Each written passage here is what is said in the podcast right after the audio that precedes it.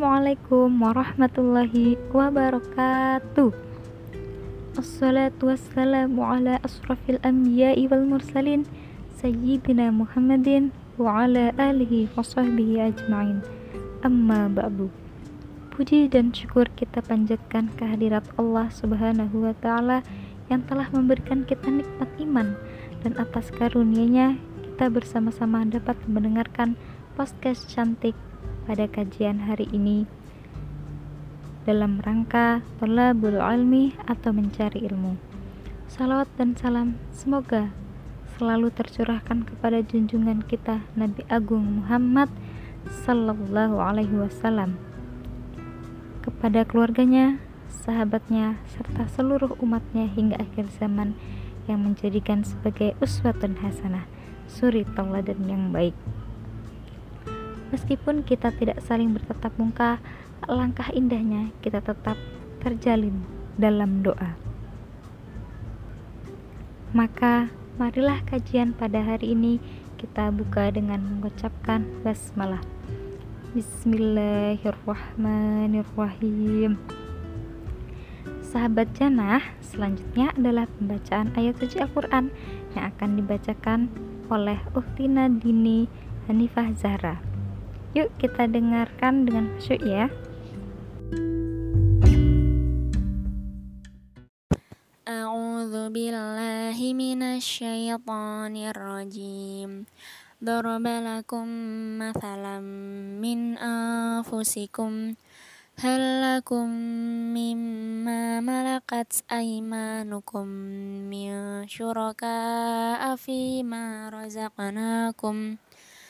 فيما رزقناكم فأنتم فيه سواء تخافونهم فيه سواء تخافونهم كخيفتكم أنفسكم.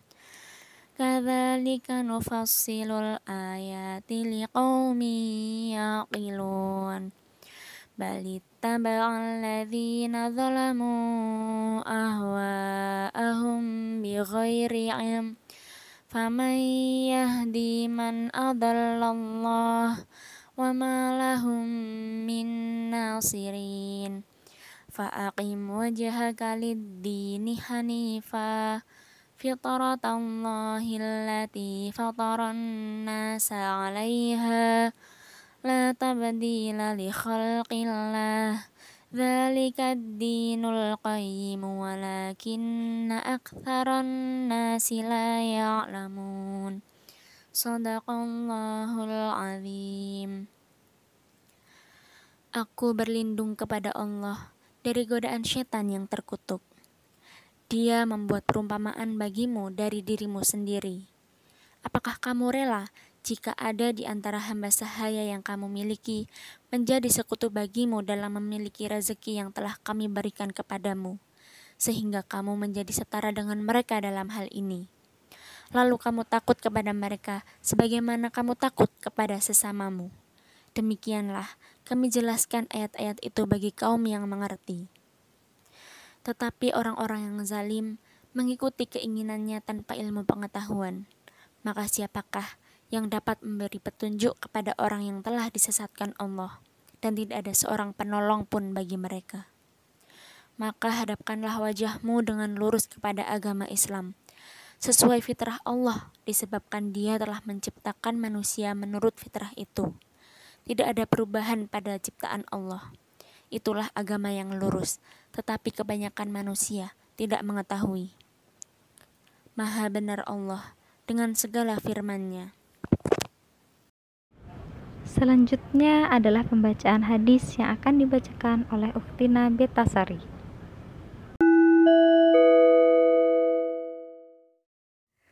Bismillahirrahmanirrahim. Dari Abu Hurairah radhiyallahu anhu, ia berkata, Pada suatu ketika, Jibril pernah datang kepada Rasulullah Shallallahu alaihi wasallam sambil berkata, Wahai Rasulullah, ini dia Khadijah. Ia datang kepada engkau dengan membawa wadah berisi lauk pauk. atau makanan atau minuman. Apabila ia datang kepada engkau, maka sampaikanlah salam dari Allah dan dariku kepadanya. Selain itu, beritahukan pula kepadanya bahwa rumahnya di surga terbuat dari emas dan perak, yang di sana tidak ada kebisingan dan kepayahan di dalamnya. Hadis riwayat Bukhari dan Muslim. Alhamdulillah, semoga dibacakannya ayat suci Al-Quran dan hadis tadi dapat menambah berkah podcast kajian cantik pada hari ini. Sahabat Jana, sudah tahu kan tema kajian cantik pada hari ini apa? Hmm, apa yuk? Ya, betul sekali. Tema kita pada hari ini adalah meneladani Hadijah binti Khuwailid. Masya Allah, Kira-kira apa saja ya yang akan disampaikan pemateri kita pada hari ini mengenai Bunda Hadijah? Sebelum kita ke materi, yuk kita simak dulu CV dari pemateri kita pada hari ini. Nama lengkap beliau adalah Zahratul Aulia. Nama panggilan Zahro. Tempat tanggal lahir Tegal 6 Tegal 6 April 1997 Agama Islam Alamat Jalan Mahakam nomor 27 Selawi Wetan, Selawi, Kabupaten Tegal Organisasi yang pernah ditekuni beliau sebagai pertama sekretaris bidang 7 OSIS MAN 1 Selawi staf PSDM Hima PB Jerman FBS UNY staf Komisi A DPM FBS UNY, staf Binkat UKMF Al-Huda FBS UNY, Koah Binkat UKMF Al-Huda FBS UNY, Mas'ulah UKMF Al-Huda FBS UNY, staf Kebijakan Publik PK KAMMI UNY, dan Koordinator Kurikulum Tutorial PAI UNY riwayat pendidikannya SD yaitu di SDIT Lukman Al-Hakim SMP SMP IT Lukman Al-Hakim SMA SMAN 1 Selawi Perguruan Tinggi Pendidikan Bahasa Jerman FBS UNY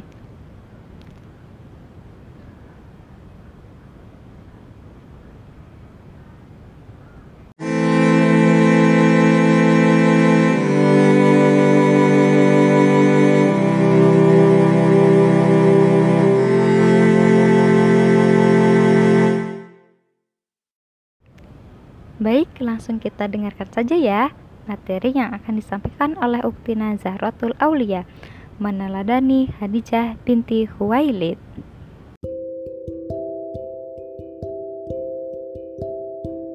Assalamualaikum warahmatullahi wabarakatuh.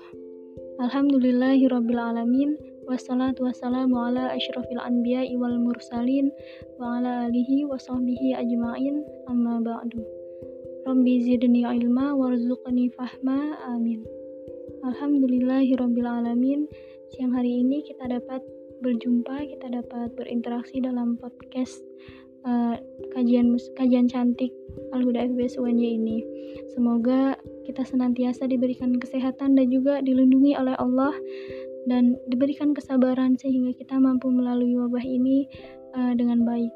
Dan husnul khotimah nantinya ya teman-teman kemudian salawat serta salam nantiasa kita haturkan kepada junjungan kita Nabi besar Muhammad Shallallahu Alaihi Wasallam karena berkat beliaulah kemudian di hari ini kita bisa merasakan indahnya Islam, indahnya iman dan indahnya Islam. Alhamdulillah.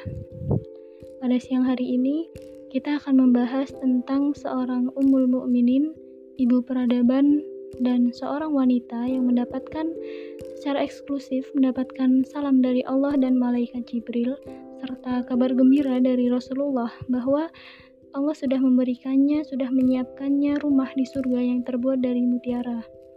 Dan dialah Khadijah binti Khuwailid, istri pertama sekaligus wanita yang paling dicintai oleh Rasulullah Shallallahu Alaihi Wasallam. Nah, maka siapakah perempuan hebat ini gitu ya? Pertama yang kita tanyakan siapakah Khadijah ini?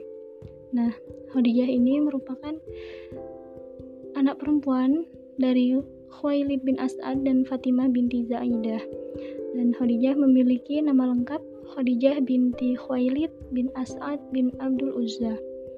Jika kita perhatikan, nasab Khadijah dari pihak ayahnya adalah uh, Abdul Uzza ya teman-teman. Jadi bertemu dengan nasab Rasulullah pada kakek yang keempat yakni Kusai sedangkan uh, dari pihak ibunya nasab Khadijah dan Rasulullah bertemu pada kakeknya yang ketiga yaitu Abdul Manaf.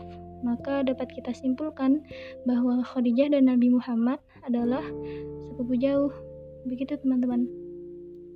Nah ayah Khadijah Khuwailid bin As'ad adalah seorang pedagang sukses yang disegani oleh uh, kalangan Quraisy.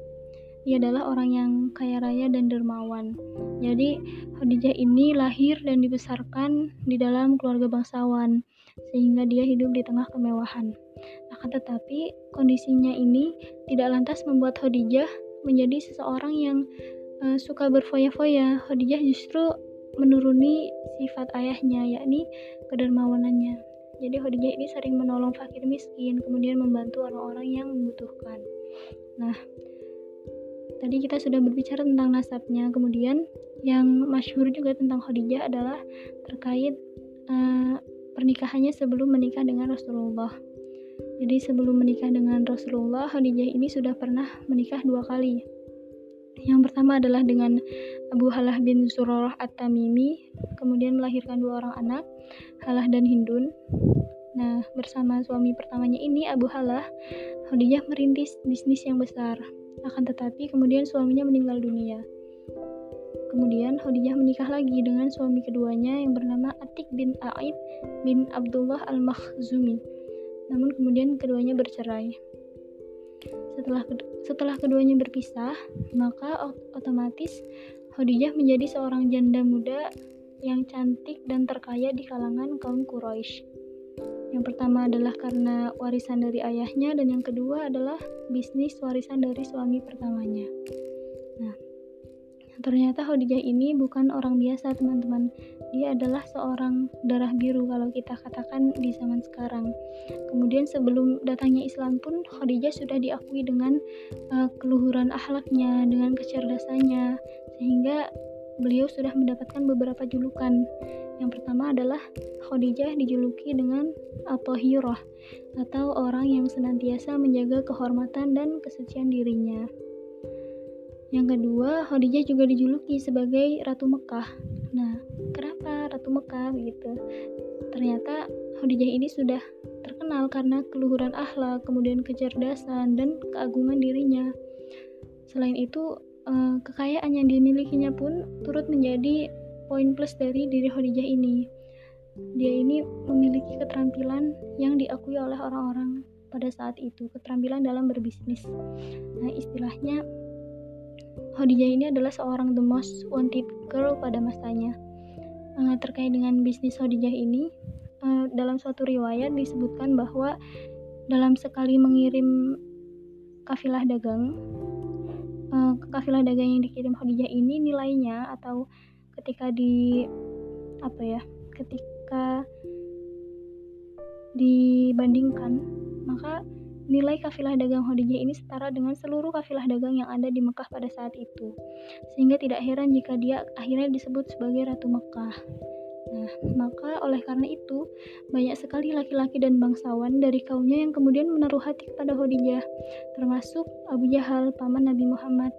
Nah, ketika Khadijah sudah menjanda, Abu Jahal pun akhirnya memberanikan diri untuk melamarnya, tapi kemudian ditolak oleh Khadijah kemudian tadi dua ya julukan yang pertama atau Hiro kemudian yang kedua Ratu Mekah yang terakhir adalah Ummu Hindun ini berkaitan dengan uh, suami pertamanya tadi ya karena ketika menikah dengan suami pertamanya Khadijah memiliki seorang dua orang putri eh dua orang anak salah satunya adalah Hindun sehingga disebut Ummu Hindun. Nah, selain keistimewaan nasab dan kepribadian dari Khadijah, beliau juga merupakan salah satu wanita terbaik sepanjang zaman. Dalam Al-Lu'lu wal Marjan, mutiara hadis sahih Bukhari wa Muslim, uh, kitab nomor 44 tentang keutamaan para sahabat, bab keutamaan Khadijah Ummul Mukminin, hadis nomor nomor 1573 yang berbunyi Hadis Ali radhiyallahu anhu qala sami'tun nabiyyi sallallahu alaihi wasallam yaqulu khairu nisaiha Maryam ba'natu Imran wa khairu nisaiha Khadijah yang artinya diriwayatkan dari Ali radhiyallahu anhu ia berkata Aku mendengar Nabi Muhammad Shallallahu alaihi wasallam bersabda Sebaik-baik perempuan adalah Maryam putri Imran dan sebaik-baik perempuan adalah Khadijah. Penjelasannya adalah sebaik-baik perempuan adalah Maryam. Apa yang dimaksud? Yaitu sebaik-baik perempuan sedunia pada masa itu adalah Maryam. Nah, yang kedua, sedangkan sebaik-baik perempuan adalah Khadijah. Nah, maksudnya sebaik-baik perempuan dari umat ini adalah Khadijah begitu. Akan tetapi dalam riwayat yang lain disebutkan pula bahwa ada uh, empat orang perempuan yang paling sempurna di muka bumi ini. Nah, keempatnya di antaranya adalah yang pertama Asiyah, istri Fir'aun, kemudian Maryam binti Imron, Khadijah binti Khuwailid, dan yang terakhir adalah Fatimah binti Rasulullah. Nah, kenapa keempat orang ini disebut sebagai uh, perempuan terbaik atau paling sempurna di muka bumi? Nah, salah satunya adalah sifat wafa yang dimiliki oleh mereka ini dalam terjemah Al-Ma'ani, wafa ini diartikan sebagai kesetiaan, keikhlasan, loyalitas, dan amanah. Hal ini berkaitan dengan uh, hubungannya terhadap suaminya masing-masing, kecuali Maryam berarti ya. Yang pertama, Fatimah kepada Ali, kemudian Asia terhadap Fir'aun, dan Khadijah terhadap Rasulullah. Jadi Khadijah ini sangat loyal kepada Rasulullah. Dia Uh, tidak ada satupun kebaikan dan kesempatan berkorban yang tidak dia keluarkan kecuali sudah diberikan kepada Rasulullah. Jadi dalam perjuangan Islam ini Khadijah benar-benar uh, all out. Beliau ini benar-benar mengeluarkan semua harta, jiwa dan raganya untuk uh, untuk mendukung dakwah Rasulullah. Seperti itu. Nah, kemudian selanjutnya uh, karena kita sudah tahu ya tadi siapa Khadijah, kemudian bagaimana nasabnya, dan apa saja keistimewaannya. Selanjutnya kita akan membicarakan tentang uh, Khadijah dan Rasulullah. Nah, setelah tadi ditinggal mati oleh suami pertamanya, kemudian menjanda setelah bercerai dengan suami keduanya, Khadijah menjadi seorang janda muda yang cantik dan kaya raya, yang juga memiliki keluhuran akhlak dan kepribadiannya sehingga banyak sekali orang-orang bangsawan Arab yang ingin menikahinya. Tetapi ternyata ketika mereka datang melamar tidak ada satupun yang dapat e, menaklukkan atau membuat Khadijah jatuh hati. Sehingga orang-orang di Mekah pada saat itu bertanya-tanya kira-kira siapa sesungguhnya lelaki pilihan Khadijah? Seperti itu kira-kira. Nah Khadijah ini sebetulnya kalau kita analisis bersama Khadijah ini ketika menikah pun nantinya dia itu tidak mencari seseorang yang dapat membimbingnya gitu. Berbeda dengan kita. Ketika ahwat zaman sekarang ditanya kamu kenapa mau menikah? atau kamu kenapa menikah dengan ini? Maka dia akan menjawab e, karena aku ingin dibimbing oleh dia sehingga menjadi wanita yang solihah sehingga aku menjadi lebih baik seperti itu. Nah halinya berbeda. Sebetulnya beliau tidak mencari orang yang mampu membimbingnya karena uh, Khadijah ini sebetulnya sudah mapan yang pertama. Dia sudah memiliki bisnis yang sukses.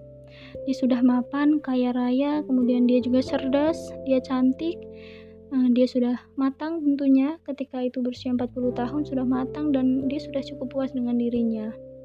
Maka ketika para bangsawan Arab mencoba untuk mendekati dan meminangnya, tidak ada yang diterima sekaya pun apa pun mereka. Karena sebetulnya Khadijah ini sudah menunggu seseorang. Sebetulnya Khadijah ini sudah memiliki seseorang yang dia tunggu-tunggu kehadirannya. Nah, hal ini berkaitan dengan beberapa hal yang dialami oleh Khadijah ini. Jadi Khadijah adalah seorang uh, Arab yang tidak yang kemudian tidak ikut melakukan ritual-ritual jahiliyah pada masa itu. Dia tidak ikut menyembah berhala, dia tidak ikut uh, berjudi dan lain sebagainya. Makanya dia disebut atau hirah tadi karena dia orang yang suci. Nah, beberapa hal tadi, beberapa kejadian dialami oleh Khadijah. Yang pertama adalah uh, pada suatu malam Khadijah bermimpi tentang matahari yang turun dari langit kemudian menuju halaman rumahnya. Khadijah ter matahari tersebut kemudian bersinar sangat terang memancarkan cahaya dari dalam rumahnya. Nah, ketika bermimpi itu, Khadijah bingung apa arti mimpinya seperti itu. Akhirnya dia pergi menemui Warokoh bin Naufal atau sepupunya yang e, disebutkan dalam beberapa riwayat adalah seorang pendeta, seorang ahli, seorang mm, pemeluk agama Nasrani gitu ya. Dan Ketika Warokoh mendengar cerita dari Khadijah, Warokoh tersenyum, kemudian menenangkan Khadijah dan berkata bahwa matahari dalam mimpi menunjukkan bahwa Nabi yang penuh kedamaian dan keberkahan yang datangnya telah diramalkan oleh Taurat dan Injil akan memberi cahaya ke dalam rumahnya. Nabi tersebut akan membawa rahmat dan kebahagiaan dalam hidup Khadijah. Jadi kita lihat eh, bahkan sebelum bertemu dengan Rasulullah bahkan sebelum menikah dengan Rasulullah Khadijah sudah mengetahui bahwasanya orang yang akan menjadi suaminya kelak adalah seorang nabi terakhir bahwa sebetulnya dia sudah uh, disiapkan oleh Allah untuk membantu utusannya uh, dalam berdakwah sebagai seorang nabi terakhir seperti itu. Itu kejadian yang pertama. Kemudian kejadian yang kedua yang cukup uh, cukup membekas juga adalah berkaitan dengan ketika itu wanita-wanita Quraisy memiliki uh, hari raya begitu teman-teman. Ketika mereka sedang berkumpul dan merayakannya, datang seorang laki-laki Yahudi. Kemudian laki-laki itu berkata, "Wahai wanita-wanita Quraisy, hampir saja ada di tengah kalian seorang nabi. Siapa saja di antara kalian yang bisa menjadi istrinya, maka lakukanlah." Nah, wanita-wanita Quraisy ini merasa aneh. Mereka bersikap acuh, kemudian uh, justru mengejek orang Yahudi ini. Nah, sementara itu ber berbeda dengan Khadijah. Dia tidak berekspresi seperti wanita-wanita Quraisy yang lain. Dia malah diam dan kemudian meyakini hal tersebut. Nah, dua kejadian itulah yang kemudian meyakinkan Khadijah bahwa sebetulnya dia uh, hanya tinggal menunggu. Sebetulnya orang yang akan menjadi suaminya ini sudah ditetapkan oleh Allah gitu kan Khadijah ini sebetulnya sudah sangat mengetahui ciri-ciri Nabi terakhir yang akan turun. Maka ketika dia akan mengirimkan kafilah dagang ke Syam dia mendengar nama Muhammad.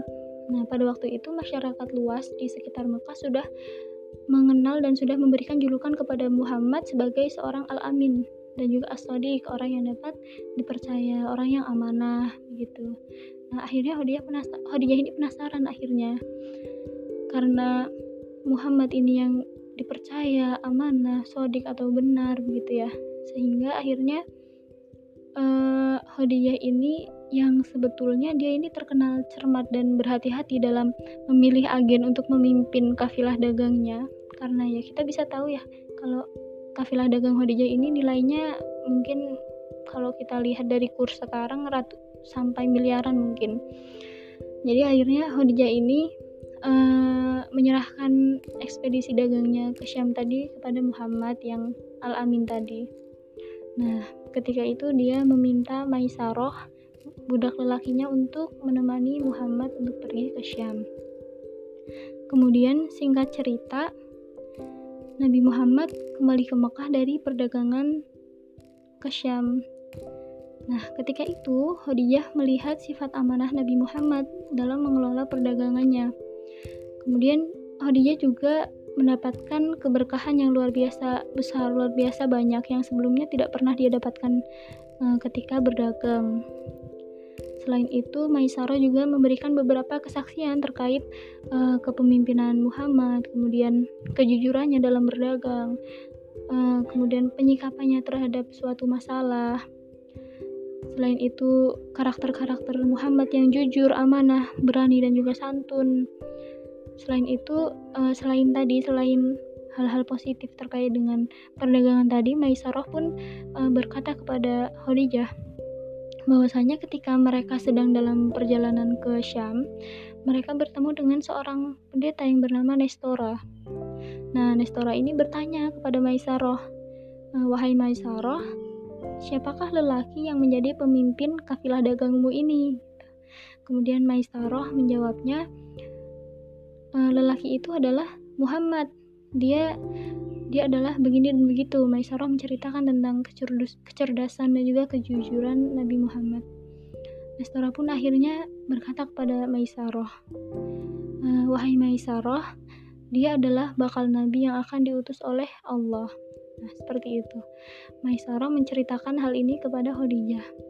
Setelah mendengar hal itu, Khadijah kemudian seperti mendapatkan aha momen. Khadijah ini seolah-olah uh, wow seolah-olah dia sudah menemukan inilah sosok pria yang selama ini dinanti olehnya akhirnya Khadijah pun menceritakan tentang penasaran eh tentang perasaan dan juga tentang keinginannya untuk menikah dengan Nabi Muhammad beliau mengatakannya kepada seorang sahabatnya yang bernama Nafisah binti Muniyah. Nah, kemudian Nafisah lah yang menjadi perantara di antara Nabi Muhammad dan juga uh, Khadijah. Nafisah menemui Nabi Muhammad dan mengatakan bahwa jika ada seseorang yang ingin menikah denganmu, dia adalah seorang wanita yang agung, dia seorang um, kaya raya, dia seorang wanita yang um, luhur budi pekertinya, apakah engkau mau begitu? Kemudian Nabi Muhammad bertanya, siapakah itu? Dan Nafisah menjawab Khadijah binti Khuwailid. Akhirnya uh, Khadijah pun akhirnya uh, maksud saya Muhammad pun akhirnya Nabi Muhammad berembuk dengan paman-pamannya dan akhirnya uh, semua sepakat baik dari pihak Khadijah dan Muhammad akhirnya keduanya pun melangsungkan pernikahan. Nah uh, pada saat itu pada saat menikah Nabi Muhammad berusia 25 tahun sedangkan Khadijah berusia 40 tahun. Terkait hal ini ada perbedaan pendapat ada yang memba uh, ada yang ahli ada ahli sejarah yang mengatakan bahwa Khadijah menikah di usia 28 tahun. Tetapi ada pula yang mengatakan bahwa Khadijah menikah di usia 40 tahun. Akan tetapi karena referensi saya dari Syekh Syafiur Rahman Syafiur Rahman Mubarak Furi uh, yang cenderung mengikuti pendapat yang 40 tahun, maka saya menggunakan pendapat itu. Nah, tadi ya kemudian Nabi Muhammad dan Khadijah pun menikah. Teman-teman ketika mendengar Khadijah menikah di usia 40 tahun jangan bayangkan uh, Khadijah ini merupakan seorang nenek-nenek atau seorang wanita yang sudah keriput sudah tidak cantik tidak begitu teman-teman. Jadi Khadijah ini dia masih cantik dia masih segar dia masih bugar. Kenapa? Karena dia adalah seorang bangsawan yang mampu merawat dirinya. Jadi Khadijah ini uh, kalau orang-orang zaman sekarang orang yang telaten merawat diri mungkin kalau kita skincare gitu ya. Kemudian uh, Khadijah pun menyadari sebetulnya beliau ini adalah seorang perempuan agung yang dipersiapkan oleh Allah untuk menemani Rasulullah mengemban misi agung. Sehingga pernikahan Muhammad dan juga Khadijah ini menjadi perbincangan di Arab karena akhirnya pertanyaan orang-orang mengenai siapakah lelaki pilihan Khadijah akhirnya terjawab ternyata lelaki itu adalah Nabi Muhammad. Sehingga Nabi Muhammad akhirnya terangkatlah reputasinya kemudian meningkatkan reputasi Nabi Muhammad. Dari pernikahan Nabi Muhammad dan juga Khadijah ini kemudian lahirlah uh, enam orang putra dan putri hal ini merupakan salah satu keistimewaan dari Khadijah karena seluruh uh, keturunan Nabi Muhammad berasal dari rahim Khadijah kecuali Ibrahim Nah, Ibrahim ini dipertanyakan juga, Ibrahim ini kan lahir dari Maria ya.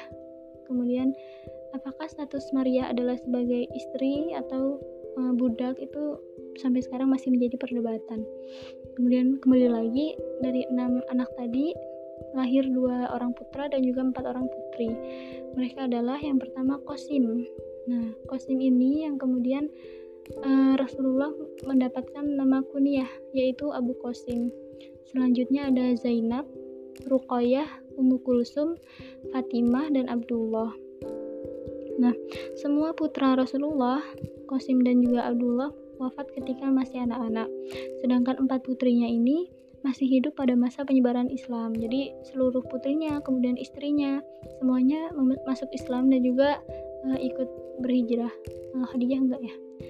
Anak-anaknya maksudnya ikut berhijrah. Akan tetapi kemudian semuanya wafat ketika Rasulullah masih hidup kecuali Fatimah.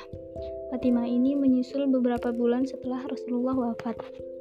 Nah, terkait dengan Rasulullah dan Khadijah ini, Rasulullah menikah dengan Khadijah selama 25 tahun dan tidak menikah lagi.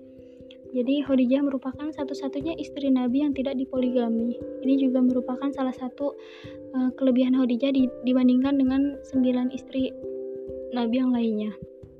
Nah, tadi kita sudah bahas tentang uh, Khadijah dan Rasulullah, bagaimana mereka bertemu, kemudian bagaimana mereka menikah begitu.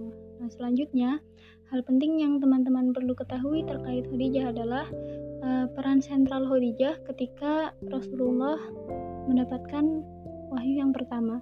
Ini merupakan salah satu uh, kejadian luar biasa yang kemudian ketika itu Rasul ditemani oleh Khadijah dan tidak oleh istri-istrinya yang lain.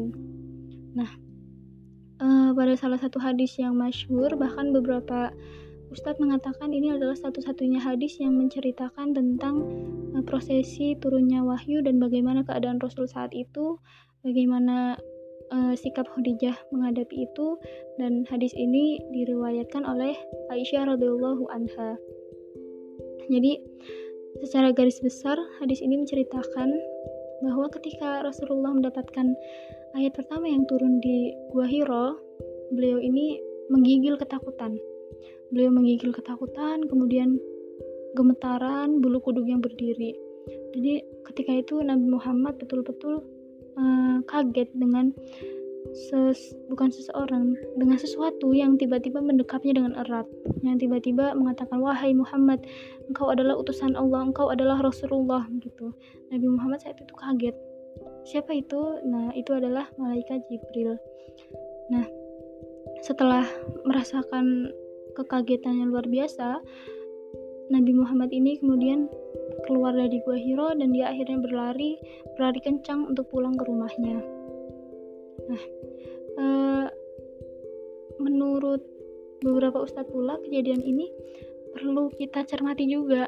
Karena ternyata Ketika mengalami peristiwa besar dan mengguncang jiwanya, Rasulullah ini langsung berlari pulang ke rumahnya, bukan pergi ke tempat sahabatnya, misal ke tempat Abu Bakar atau mungkin ke tempat tamannya yang sudah membesarkannya Abu Talib atau mungkin ke seorang tokoh bijak di Mekah mungkin untuk bertanya apa yang sedang dialami.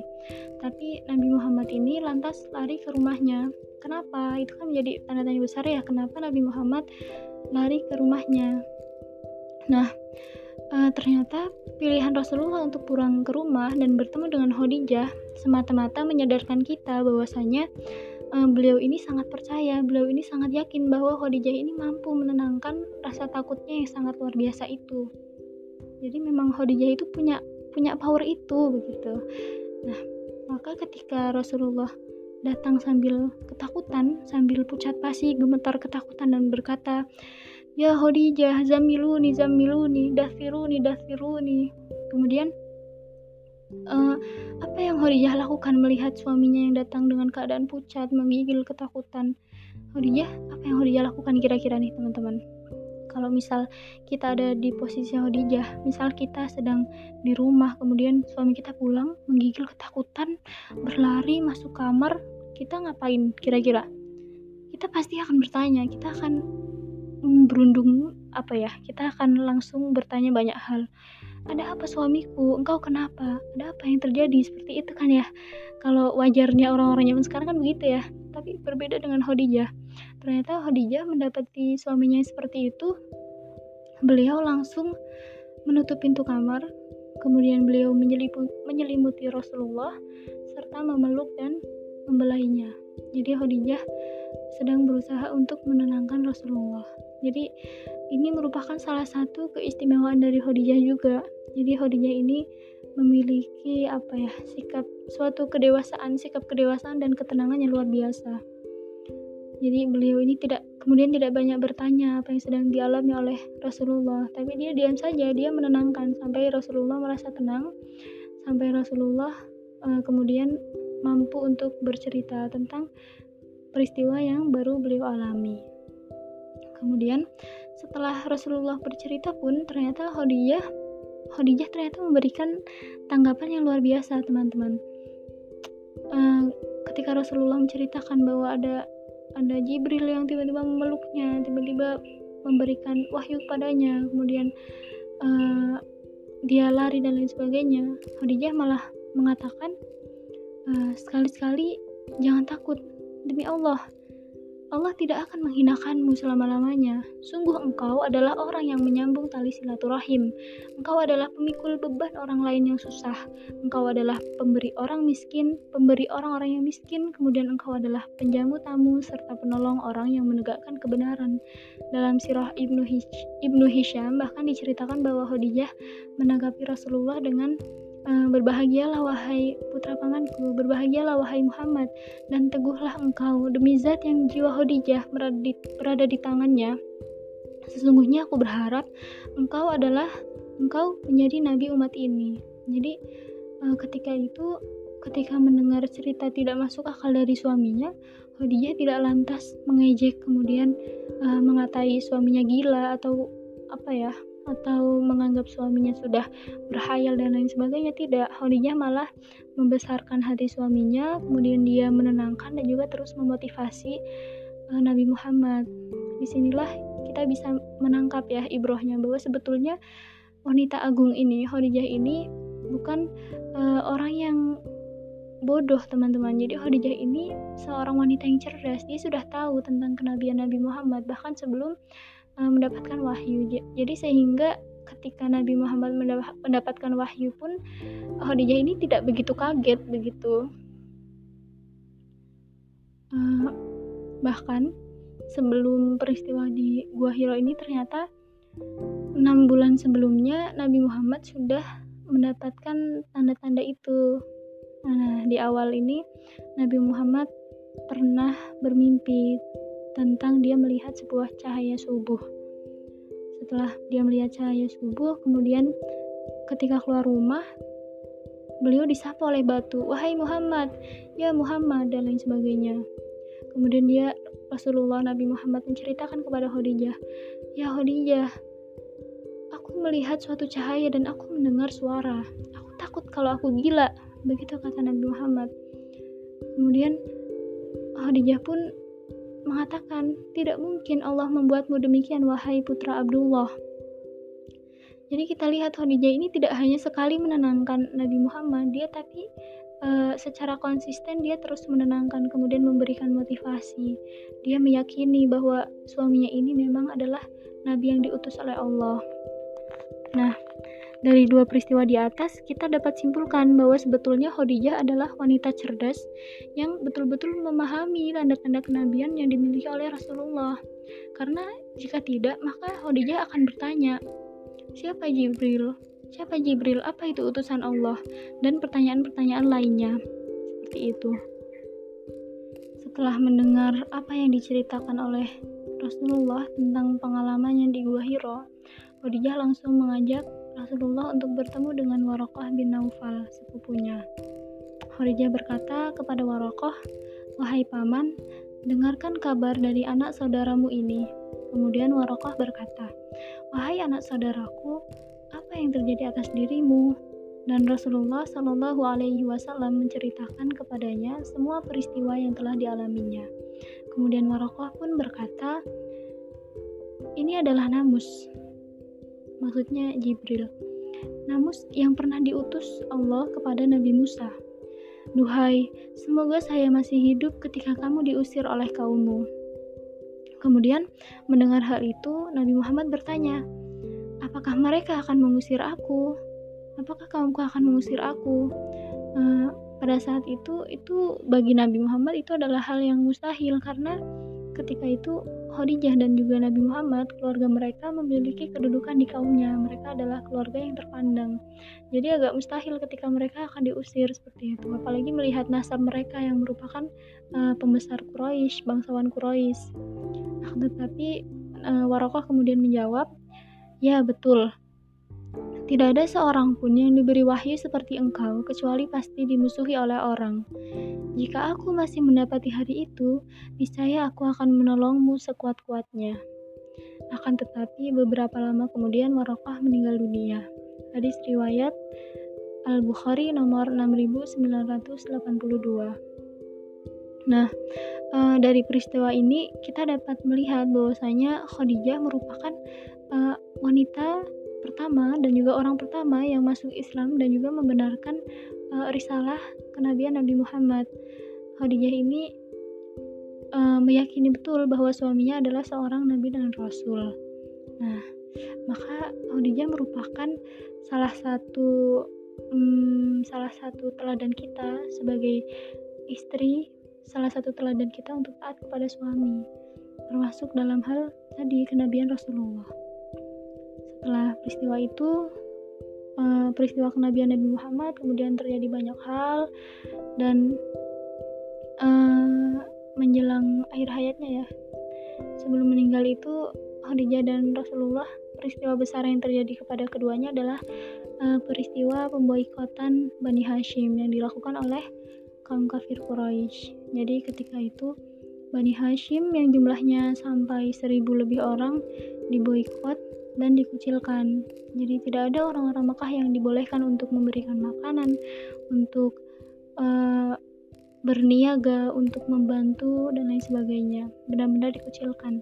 Nah pada saat itu uh, Khadijah ini uh, umul mukminin kita inilah yang kemudian muncul dan menjadi salah seorang bersama dengan Abu Bakar salah seorang yang kemudian mendermakan seluruh hartanya untuk uh, memberi makan untuk kemudian memberikan kebutuhan apa pun yang dibutuhkan oleh Bani Hashim jadi selama tiga tahun masa pemboikotan ini uh, harta Abu Bakar dan juga Khadijah ini habis benar-benar tidak tersisa sampai habis. Nah, tidak lama setelah pemboikotan uh, Khadijah ini sakit keras, teman-teman.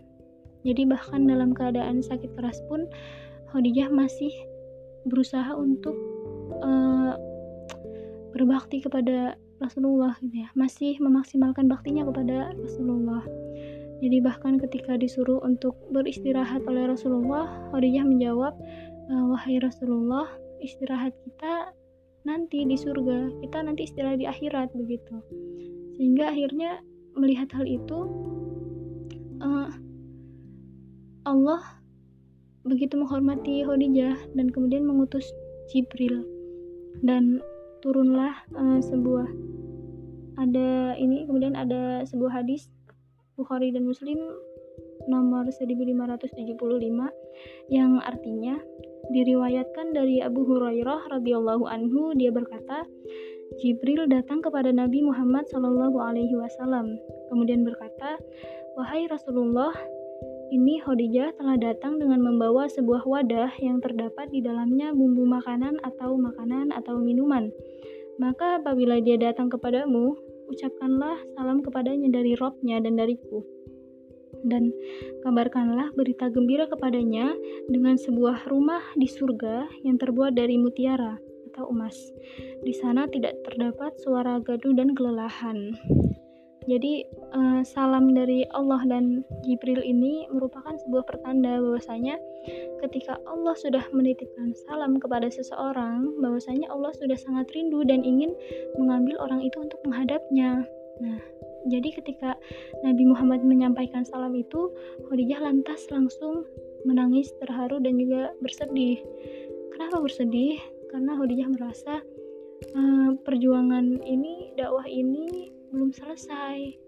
Perjalanan uh, dakwah Rasulullah ini belum usai perjuangan belum selesai tapi dia harus sudah kembali menghadap kepada Robnya. Namun di lain sisi dia juga merasa sangat terharu karena ternyata sebentar lagi dia akan bertemu dengan Rob yang sangat dicintainya. Nah uh, selang beberapa hari dari kejadian itu kemudian Khadijah meninggal dunia. Sebelumnya Abu Talib sudah meninggal lebih dulu dan kemudian disusul oleh Khadijah. Nah, kejadian inilah yang kemudian uh, dalam sirah nabawiyah dalam sejarah uh, Nabi Muhammad disebut sebagai uh, tahun kesedihan Nabi Muhammad Amul Huzn. Nah, Setelah itu kemudian Allah menghibur Nabi Muhammad dengan memberikan hadiah berupa Isra Mi'raj dan lain sebagainya. Nah, jadi uh, ternyata Khadijah ini dari awal tadi ya kita belajar tentang uh, siapa Khadijah, kemudian bagaimana nasabnya, kemudian uh, pernikahannya dengan Rasulullah dan juga peran besarnya dalam dakwah Rasulullah. Ternyata beliau ini adalah wanita luar biasa, bukan wanita biasa yang mendampingi Rasulullah seperti itu. Bahkan uh, dalam beberapa riwayat sering kali disebutkan bahwa Rasulullah ini uh, bahkan walaupun sudah menikah dengan istri-istri yang, la yang lain sudah uh, 10 ya 10 istri yang lain tidak ada satupun yang mampu menandingi rasa cinta Rasulullah kepada Khadijah ini. Jadi uh, dalam hadis Bukhari dan Muslim juga disebutkan bahwasanya Rasulullah ini sering uh, terkadang beliau menyembelih seekor domba kemudian dombanya ini dipotong-potong dan setengah separuh bagiannya ini dibagikan kepada sahabat-sahabat Khadijah. Sampai akhirnya Aisyah yang melihat itu karena terlalu sering melakukan hal itu, Aisyah melihat itu dan dia marah. Khadijah lagi, Khadijah lagi. Begitulah kira-kira Aisyah kemudian marah dan uh, Rasulullah pun menjawab, Khadijah ini beriman kepadaku di kala yang lain ingkar. Sedangkan uh, dia membela perjuanganku dengan pengorbanan tertinggi. Dia menemaniku dalam suka maupun duka, serta dia memberikan aku anak keturunan yang tidak didapatkan dari istri-istriku yang lain. Bagaimana aku tidak mencintainya begitu. Jadi Rasulullah ini mengungkapkan betapa dia sangat, betapa beliau ini sangat mencintai Khadijah. Nah, bahkan uh, terkait tadi ya, uh, Allah pun sudah menjanjikan kepada Khadijah sebuah rumah di surga yang terbuat dari mutiara atau emas yang di sana tidak ada suara gaduh dan kelelahan. Itu ada dalam hadis Bukhari dan Muslim ayat eh, ayat uh, nomor 1576 nah uh, karena dari tadi kita sudah berbicara tentang Khadijah kemudian tentang sampai wafatnya. Kemudian kita juga melihat beberapa kisah yang menunjukkan bukti cinta Rasulullah kepada Khadijah. Nah, selain tadi masalah domba yang disembelih tadi pun ternyata ketika suatu ketika pada suatu hari ketika Rasulullah sedang duduk bersama Aisyah, kemudian uh, ada seseorang yang mengetuk pintu. Ketika mengetuk pintu, cara mengetuknya, kemudian suara salam yang memanggilnya sangat mirip dengan Khadijah dan ternyata Nabi sudah paham betul bahwa itu adalah sepupu Khadijah. Akhirnya Nabi Muhammad dengan sangat bersemangat dan bergembira beliau langsung menuju menuju ke pintu dan menjamunya dengan jamuan terbaik. Jadi beliau meletakkan karpet dan lain sebagainya, memberikan makanan terbaik untuk itu. Nah, hal ini juga yang terkadang menyulut kecemburuan Aisyah ternyata teman-teman.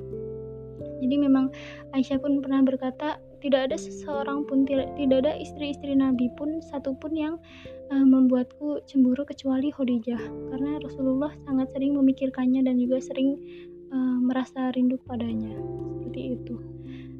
Nah itu merupakan salah satu bentuk cinta Rasulullah kepada Khadijah.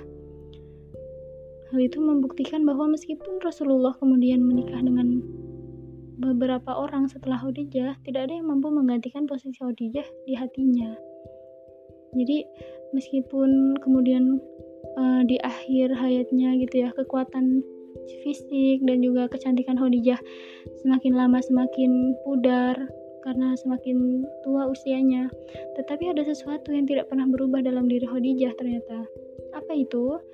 Itu adalah kekuatan spiritual dan kejernihan cintanya. Jadi Khadijah ini memang dari awal setelah Rasulullah diutus dia senantiasa selalu dan selamanya beriman kepada Allah dan juga selalu meyakini kebenaran risalah suaminya. Itulah sebabnya kenapa pada masa Rasulullah, pada masa hidup Khadijah, eh, Rasulullah tidak pernah berpikir untuk menikah lagi dengan perempuan lain atau menjadikan hamba sahaya sebagai istrinya. Nah, posisinya itu sangat berarti ternyata.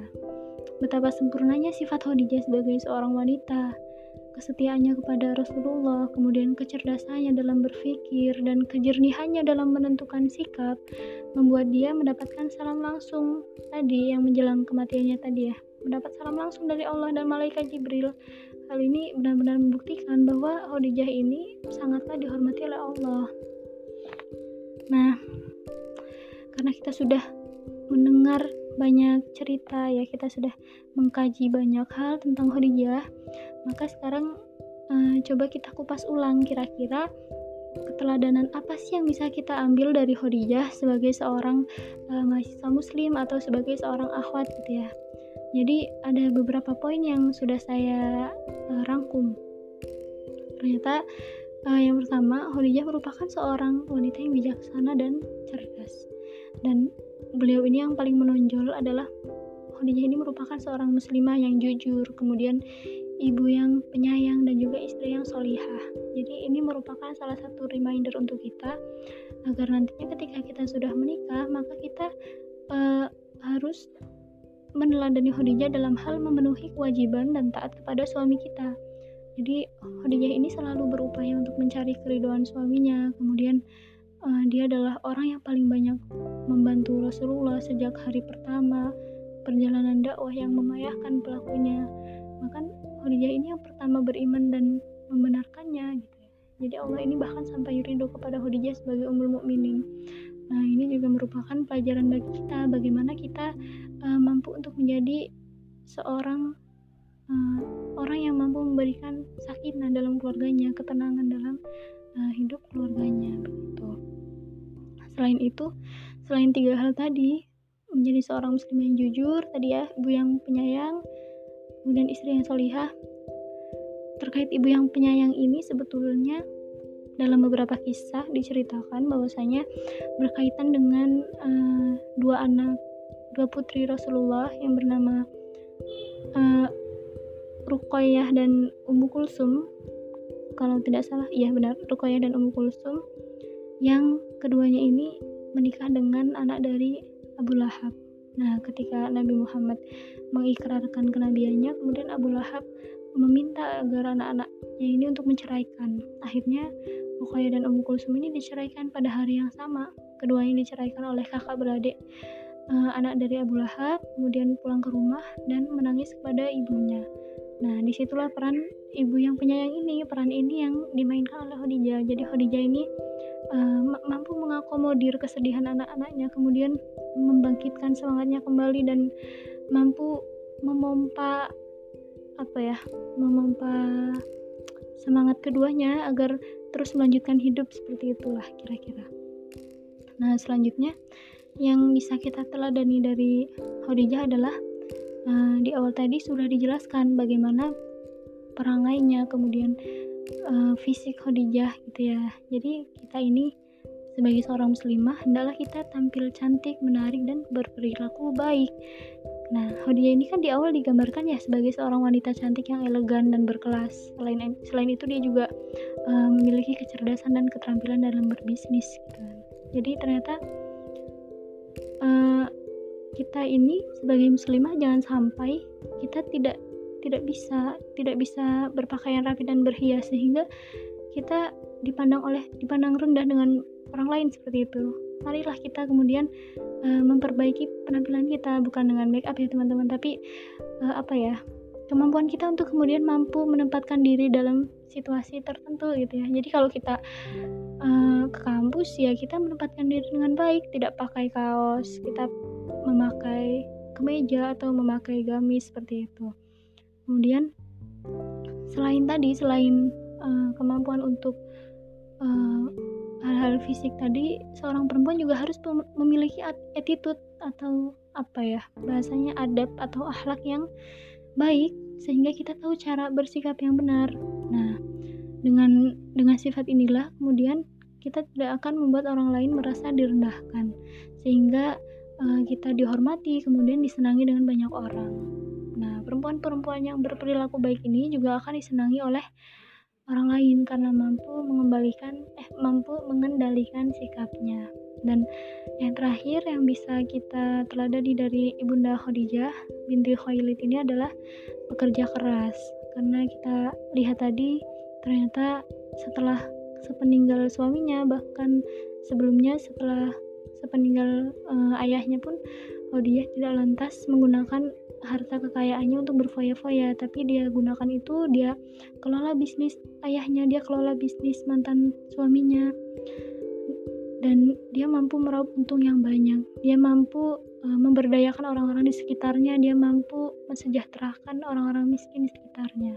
Seperti itu. Jadi uh, marilah kita sebagai mahasiswa ayo kita sama-sama karena kita masih kuliah ya kita uh, belajar dengan benar gitu ya belajar dengan giat kita uh, kita dalami keilmuan kita sehingga keilmuan kita nantinya akan bermanfaat uh, di masyarakat luas seperti itu. Nah uh, kira-kira uh, itu adalah beberapa gambaran besar tentang siapa Khadijah kemudian bagaimana ahlaknya kira-kira apa yang bisa kita teladani bersama-sama nah Nah, semoga bermanfaat. Teman-teman semua jangan lelah untuk mempelajari sirah atau mempelajari sejarah kehidupan Rasulullah dan para sahabat karena di dalamnya terdapat sangat banyak sekali mutiara hikmah yang bisa kita teladani. Marilah uh, kita senantiasa belajar dari masa lalu, kita perbaiki apabila ada yang salah dan kita ikuti semua hal-hal yang baik di dalamnya. Nah, kurang lebihnya mohon maaf. Uh, apabila ada kesalahan itu datangnya murni dari saya. Nanti kita lanjutkan di kolom ini ya di, sesi diskusi selanjutnya. Uh, wassalamualaikum warahmatullahi wabarakatuh